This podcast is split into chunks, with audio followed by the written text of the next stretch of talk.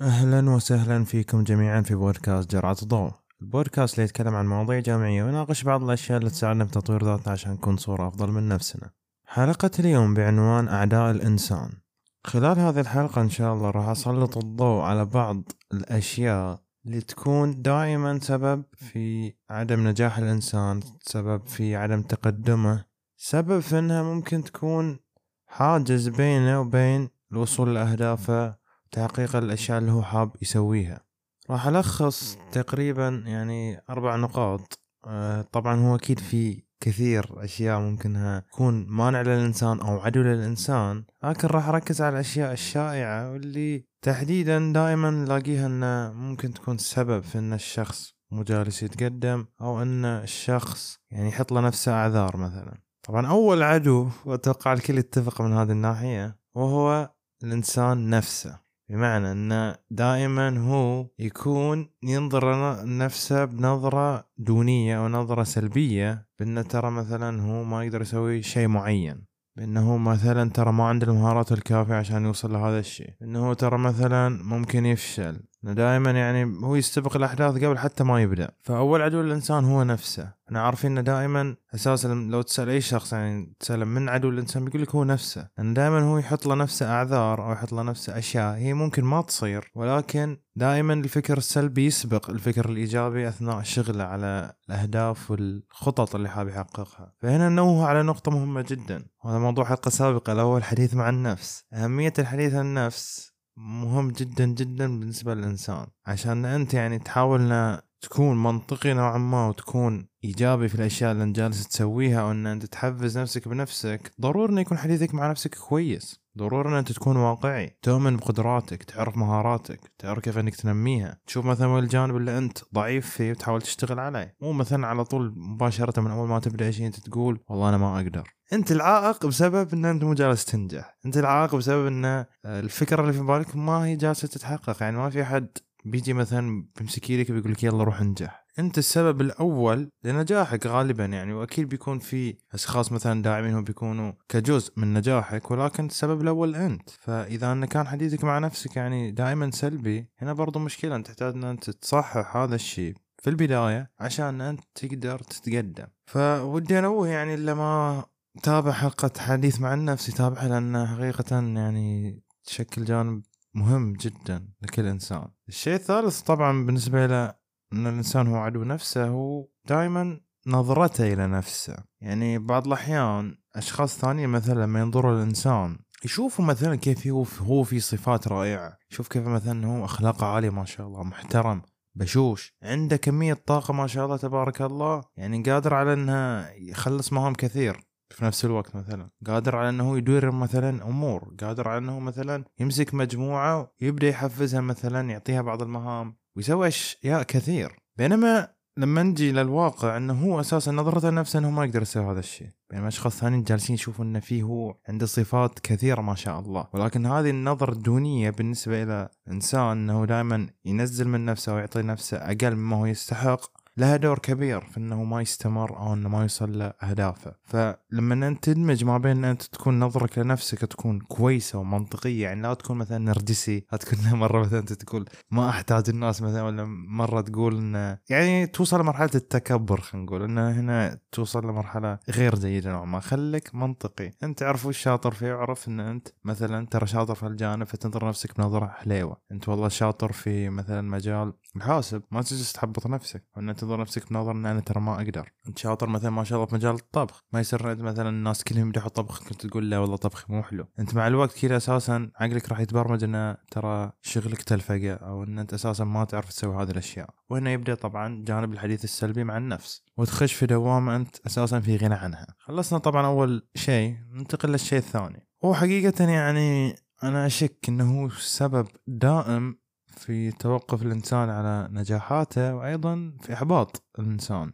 هو التوقعات العالية. دائما لما الإنسان يشتغل في جانب معين إذا هو حس إنه والله هو شاطر في هالجانب مثلا دائما يحط في باله إنه هو بينجح. هالشيء ممتاز جدا. ولكن مثلا ممكن ما يكون حاسب بعض النقاط اللي مثلا راحت عن باله. فهنا لما إنه مثلا يفشل راح يقابله إحباط شديد جدا. إحباط لدرجة إنه مثلا ممكن هو يتوقف. بسبب إنه كان حط توقعات عليه إنه ينجح بس هو فشل.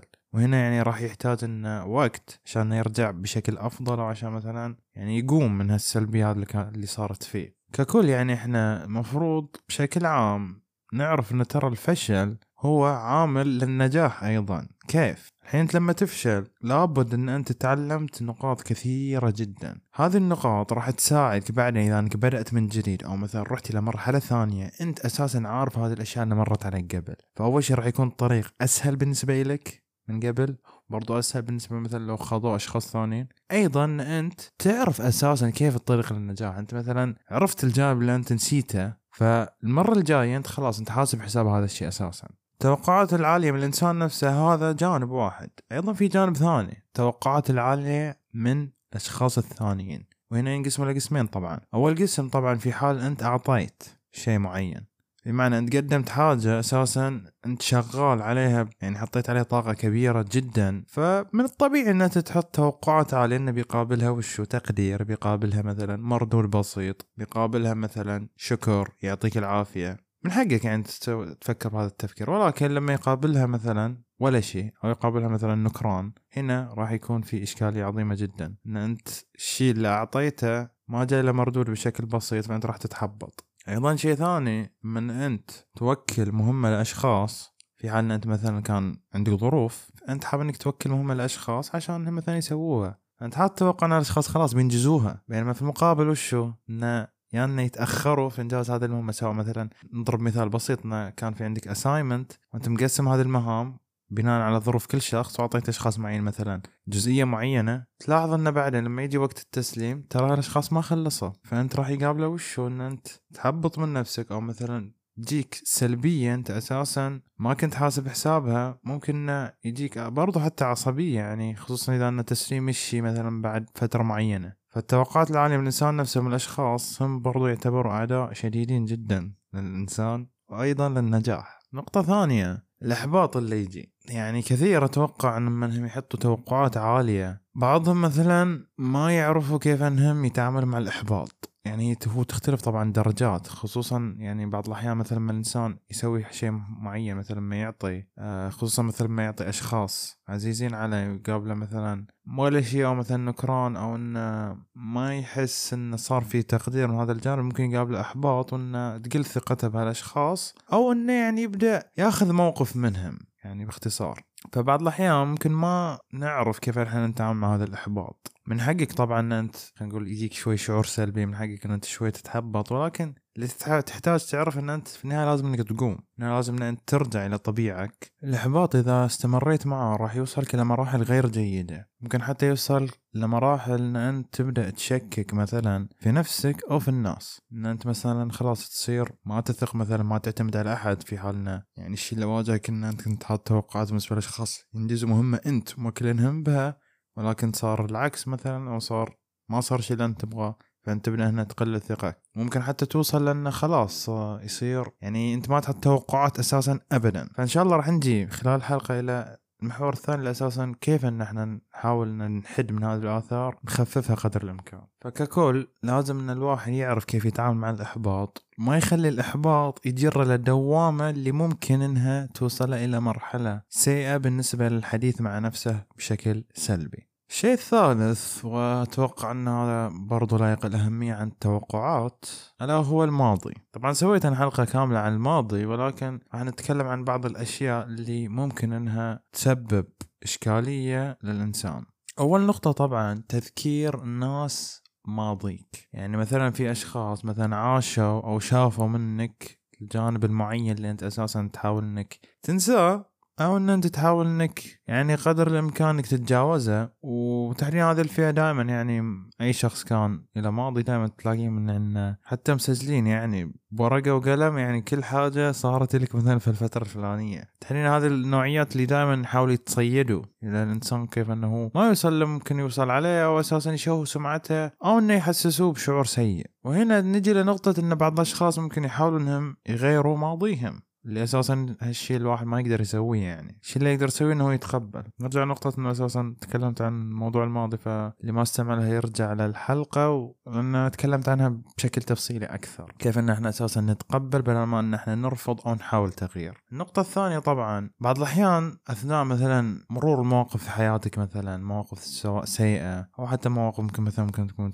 كويسة أو مثلا زلة صارت منك أنت ممكن هالشي يذكرك بالماضي. ويرجع لك الشعور السيء اللي أنت كنت تحس فيه أو الشيء اللي أساسا أنت ما كنت راضي فيه قبل حاليا رجع لك وحسسك بشعور سيء ممكن يخليك إن أنت فترة مثلا تنعزل أو فترة إن أنت ما ودك تسوي شيء بسبب هالذكريات السيئة اللي رجعت لك. فأنت ككل تحتاج ان تراجع هذا الشيء بحيث إن أنت تقدر تتجاوز الشيء اللي, ذكرته يعني أو تحاول أنت ما تحس بنفس الأثر اللي كان لك قبل. يعني قدر الإمكان الشخص مثلا يتجاوز ماضيه. ما يكون إنه لما يستذكر هذا الشيء رجع له شعور 100% كأن الشيء صار أمس مثلا. على الاقل على الأقل مثلا 30% 50% مثلا كشيء معقول. خصوصا إذا مثلا الشيء ما صار له فترة طويلة. الشيء الأخير وأتوقع هذا الجانب اللي أساسا ممكن يذكر الإنسان بالموقف إنه كان صاير آمس وهو عدم التشافي أساسا. يعني الشخص أساسا ما تجاوز هذيك الفترة مثلا بس إنه كذب على نفسه أو حاول إنه يقنع نفسه إنه ترى تجاوز هو أساسا ما تجاوز. لا زال مثلا لما يذكر موقف كانه صاير آمس أو مثلا لما يذكر واحد كانه صاير آمس أو مثلا لما يشوف جزء بسيط يذكره من هذا الشيء يرجع للشيء يعني ولا كأنه مر عليه فترة معينة. أتذكر قرأت مقولة جدا لفتتني حقيقة.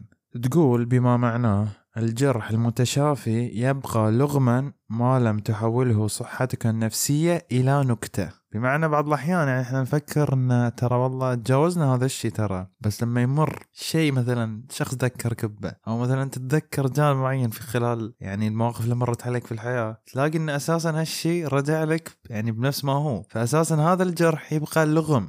إن أي شيء ممكن يحركه ولا أي شيء يذكره فيه خلاص انه كأن الشيء رجع. فصحك النفسية هي راح تكون عامل مساعد ان أنت مثلا ما تتذكر والله تضحك مثلا ولا تتذكر وما تتأثر. فهذا جانب حقيقة جدا مهم. الشيء الأخير مقارنة. ما حد يختلف إن المقارنة لها دور كبير جدا في شعور الإنسان بسلبية شعور الإنسان بأنه دائما متأخر شعور الإنسان أنه إنجازاته صفر شعور الإنسان أن الناس كلها متقدمة عليه وصل القمر وهو في الأرض كثير أشياء طبعا. فأن الإنسان لما يقارن نفسه بغيره هنا راح يعيش في دوامة دوامة مقارنة في كل شيء طبعا. اللي هو يقارن نفسه مثلا في أشخاص نفرض في النادي قارن جسمه بجسم شخص يتمرن صار له ست سنوات. شخص مثلا في الجامعة ظروفه تختلف عن ظروف شخص غيره يقارن نفسه بأنه مثلا مثلا معدله أقل من غيره. شخص مثلا عنده خبرات ما شاء الله مهولة توظف شخص ثاني مثلا لسه خبرات تختلف. فهنا المقارنة راح تعيشك بشعور نقص دائما شعور تأخر دائما أيضا. الشيء اللي ممكن يكون مساعد انه دائما الإنسان يحط في باله إن ترى ظروفه تختلف عن ظروف غيره. يعني أنا مثلا ممكن أقارن نفسي أساسا بشخص تمرمط كثير عشان مثلا يوصل له وصل له وأنا لسه أقارن بداياتي في بداية مواسم أو موسم حصاد الأشخاص الآخرين خلينا نقول. ففي مقولة دائما يقول لك أن لا تقارن بدايتك بمواسم حصاد الآخرين. يعني بعض الأحيان الإنسان يشوف والله أن الشخص دائما مثلا ناجح ولا مثلا دائما شاطر وهو أساسا ما شاف الجانب الثاني اللي يحدث اللي أساسا وصل هالشخص هالمرحله. شيء آخر أيضا ممكن البعض يستغرب ولكن هذه حقيقة. لما تقارن نفسك بأفضل حالاتها بنفسك بحالتها السيئه ممكن بعض الأحيان مثلا دائما نسمع قارن نفسك بنفسك صح. ولكن انتبه لجانب. بعض الأحيان ممكن الانسان مثلا يقارن نفسه الحالية اللي أساسا متطورة وصل مرحلة كويسة من الوعي كويسة من النضج. ولكن لما إنه مثلا يوصل في مرحلة سيئة أو مثلا يمر على موقف سيء هنا يقارن نفسه بوضعه اللي كان قبل مثلا إنه بحالته النفسية الكويسة اللي مثلا خلينا نقول يفرح بأبسط الأمور يقارن نفسه بهذيك الفترة اللي كان أساسا صحته النفسية ما شاء الله واصلة مرحلة كويسة. فيبدأ يقول يا ريت مثلا زي قبل. وهنا شوية مشكلة يعني لأن أنت أساسا ما تتقدم في العمر أنت أساسا جالس تتطور جالس تصير أفضل. من جميع النواحي. بس أثناء الفترة السلبية اللي تمر عليك أنت ممكن تقارن نفسك بنفسك القديمة اللي أساسا كانت مثلا في ظروف مختلفة كانت أفضل مثلا ولكن بعقلية أقل. هنا النقطة اللي حاب أنوه عليها إن عقليتك الحين أفضل بمراحل. بس ظروفك مثلا اللي قبل نفرض مثلا ظروفك المادية كانت أفضل. ظروفك المادية الحالية مثلا غير فما يصير أنت تقارن نفسك بظروف مختلفة. برضو لازم تقدر نفسك أيضا. يعني مثلا ما يصير أنت تقارن نفسك كمثال لما تجيك إصابة مثلا تنقطع عن النادي بنفسك اللي أساسا كانت تتمرن ما فيها إصابة وكانت بأفضل حالاتها يعني. أنت هنا راح تجيب السلبية لنفسك أساسا. مع العلم انك جالس تقارن نفسك بنفسك. ولكن جالس تجيب السلبية لنفسك بسبب هذا الخطأ اللي ممكن يبذر منك أشخاص فبرضه هنا نقطة مهمة جدا. طيب كيف نخفف الآثار ونحد من هذه النقاط اللي ذكرتها قدر الإمكان يعني ونوصل لمرحلة أن هذه الأشياء ما تكون كعدو للإنسان. أول نقطة طبعا مهمة جدا زيادة الثقة بالنفس. ما حد ينكر أن الثقة بالنفس ضرورية جدا في أشياء كثير في الحياة. سواء مثلا أنت الحين بتلقي كلمة للجمهور سواء انت الحين مثلا بتروح مقابلة شخصية سواء انت الحين مثلا في الجامعة مثلا في الكلاس حاب إنك تشارك أو حاب إن أنت مثلا تناقش الدكتور. هنا الثقة بالنفس تشكل دور كبير في كل هذه المواقف. لأن أنت أساسا عشان أنت تتكلم تحتاج إن يكون عندك ثقة بنفسك إن أنت مثلا تعرف إيش بتقول. تعرف إن أنت مثلا تعرف كيف تناقش تعرف مثلا أنت كيف توضح مثلا النقاط اللي حاب تذكرها. طيب كيف مثلا ممكن إحنا نطور الثقة بالنفس ونوصل إلى مرحلة بان مثلا هذه الأشياء سواء كانت الإنسان نفسه التوقعات العالية الماضي والمقارنة كلها ما تسبب أضرار كبيرة. أول نقطة تطوير الذات. لو نلاحظ إحنا أساسا لما دائما نحن نحاول نحن نطور من نفسنا مثلا في جوانب كثير مثلا في الإلقاء في مثلا القيادة مثلا مهارة حل المشكلات مثلا التفكير النقدي أو الإبداعي مع الوقت أساسا هذه المهارات لما أنها تتطور لاحظ أن أساسا ثقتنا بنفسنا تزيد لأن أنت مثلا فكرت كانت عندك مشكلة المرة الأولى فكرت بحل واحد، المرة الثانية فكرت بحلين، المرة الثالثة فكرت ثلاثة حلول، وهكذا كل ما لها تزيد تزيد تزيد أكثر. مع الوقت أساسا ثقتك بنفسك راح تزيد. أيضا حتى أنت مثلا كيف أن أنت تبرز حلك أساسا لهذه المشكلة بيزيد معاه ثقتك بنفسك. فهذا شيء يعني جدا جدا مهم. أيضا شيء آخر مهم وهو التحدي. كيف يعني؟ الإنسان بشكل عام يعرف هو وش قدراته يعرف هو وش شاطر فيه يعرف مهاراته اللي تأهله مثلا في جانب معين. فيقدر إنه مثلا يحط لنفسه تحدي. نضرب مثال والله في جانب الطبخ. يحط لنفسه تحدي والله إن أنا بسوي هذه الطبخة الفلانية بطريقة إبداعية بأبرزها مثلا بطريقة إبداعية إن مثلا الطبق يكون شكله جميل متناسق يعني وألوانه تفتح النفس. وبقدمه مثلا هذا بجانب الطبخ. فرض الجانب الثاني في التحدي يحط له نفسه في الجامعة إنه والله أنا أبغى أجيب المعدل الفلاني. حط في باله مثلا والله أبغى أجيب 4.5 مثلا من خمسة. فهو لما يوصل إلى هذا الشيء ثقته بنفسه راح تزيد لأنه آمن بقدراته ما يؤدي لأن ثقته بنفسه تزيد في أنه والله يقدر يسوي هذا الشيء. فليش انه مثلا ما يقدر يسوي الشيء الفلاني؟ النقطة الثالثة وتشكل جانب كبير جدا في زيادة الثقة بالنفس اللي هي تحقيق إنجازات مستمرة. ما أتكلم عن الإنجازات الكبيرة طبعا أتكلم عن أي إنجاز. أنت مثلا بداية كل سنة نفرض بما إن إحنا الحين سنة 2024 بداية سنة جديدة أشخاص كثير مثلا حاطين أهداف ببالهم. البعض حاط أهداف مثلا على مدار السنة أهداف كبيرة بعض حاط أهداف متوسطة والبعض حاط أهداف صغيرة. فأنا أتكلم تحديدا عن جميع هذه الأشياء سواء كان صغير إلى كبير. أثناء تحقيق الإنجازات أنت مع الوقت راح تزيد ثقتك بنفسك. حطيت في بالك مثلا والله تبغى تفتح بودكاست فتحت بودكاست. حطيت في بالك تبغى تفتح مشروع فلاني فتحت المشروع. حطيت في بالك مثلا تبغى تجيب معدل فلاني جبته. حطيت في بالك إنك تبغى تنزل وزنك نزلت وزنك. هذا الشيء لما يزيد مع الاستمرار إن دائما إنجازاتك تكون مستمرة. وأيضا إن أنت حتى تقدر إنجازاتك تفرح بها هالشيء راح يزيد ثقتك بنفسك بشكل كبير جدا. يعني أتوقع أي شخص جرب لذة الانجاز. خلينا نقول راح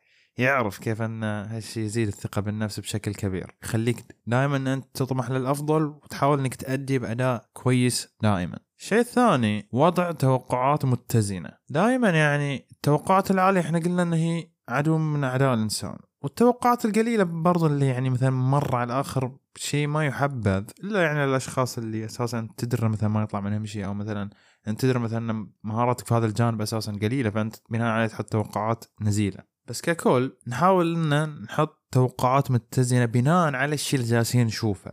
يعني أنا مثلا والله أدري إن هذه المجموعة اللي أنا أشتغل معاها. يعني قدراتهم كويسة.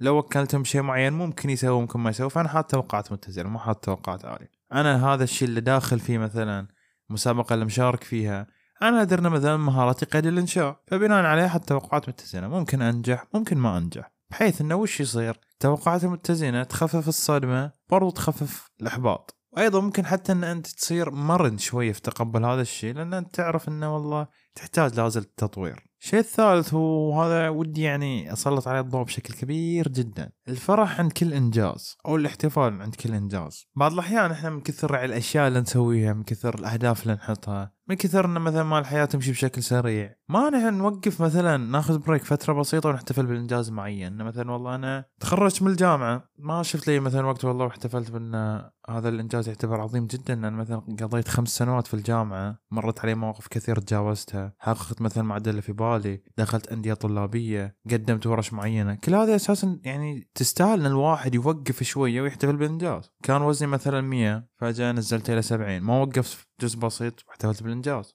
لا مشيت أنا. كان مشروع في بالي حاب أحققه. حققت المشروع وصل المشروع إلى ما شاء الله مواصيل عالية.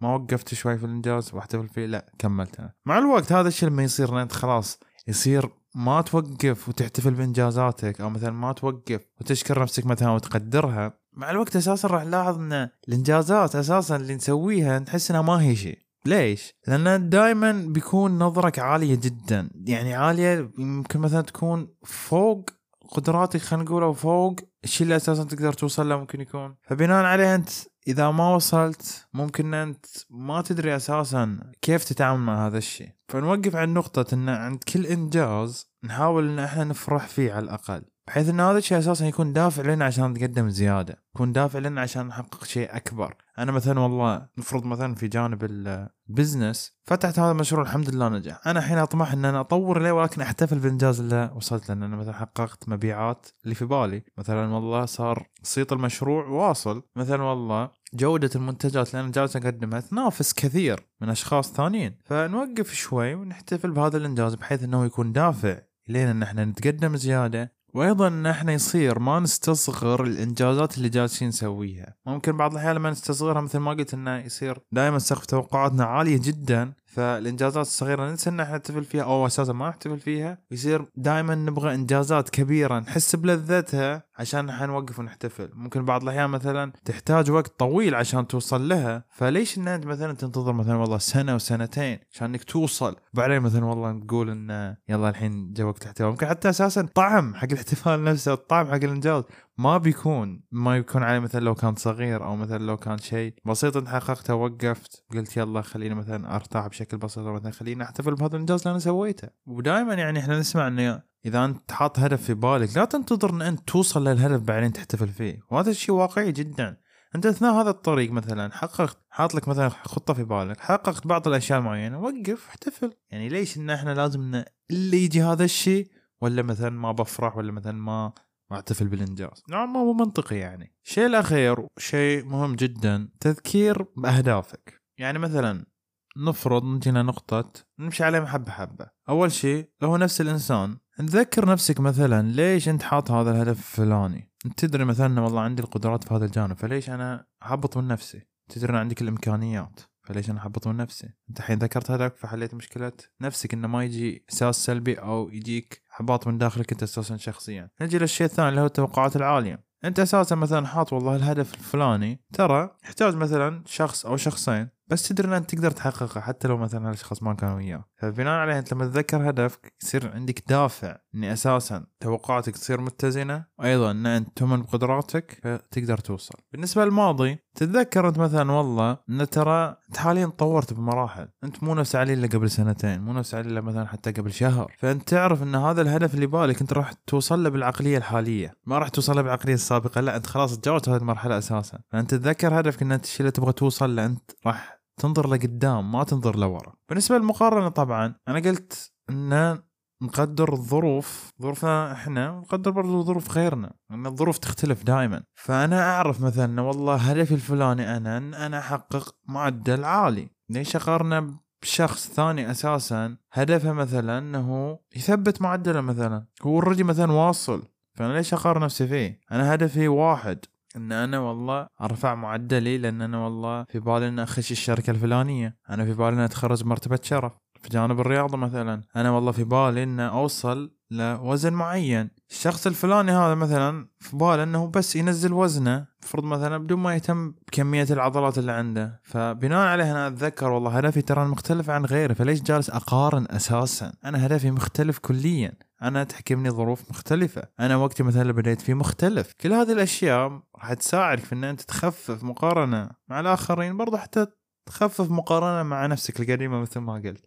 نفسك اللي هي مثلا كانت بأفضل حالاتها أو كانت مثلا باسوء حالاتها. فأنت ما تقارن نفسك قديمة بنفسك الجديدة في هذا الجانب تحديدا أتكلم. ما أتكلم في جانب مثلا أنت تقارن نفسك آه نفرض والله قبل أنت كان وزنك مثلا 80 الحين وزنك 70 لا عادي إن أنت تقارن. هذه المقارنة تكون تحفيزية لك وراح تكون كدافع لك إن أنت تتقدم زيادة وتحقق نجاحات أكثر وأكثر. ختاما الحياة بتصفك مرة ومرتين وعشر بتطيح أكثر من مرة في كل طيحة لك راح تحس بشعور أسوأ من قبل. بس المفروض تعرف أن خيارك الوحيد هو إنك تقوم سواء بعد يوم أسبوع أو شهر. لما تقوم أكيد إنك راح تكون أفضل وأقوى وأنضج من قبل. أتمنى أن الحلقة نالت على إعجابكم وصلت لكم الفائدة منها. لا تنسوا تتابعونا على مواقع التواصل الاجتماعي تشترك في القناة ومنصة البودكاست اللي تستمع منها وتعطونا لايك وتبدوا آراءكم في حال عجبتكم الحلقة. أتمنى للجميع دوام التوفيق والنجاح. نراكم على خير الأسبوع القادم وفي أمان الله.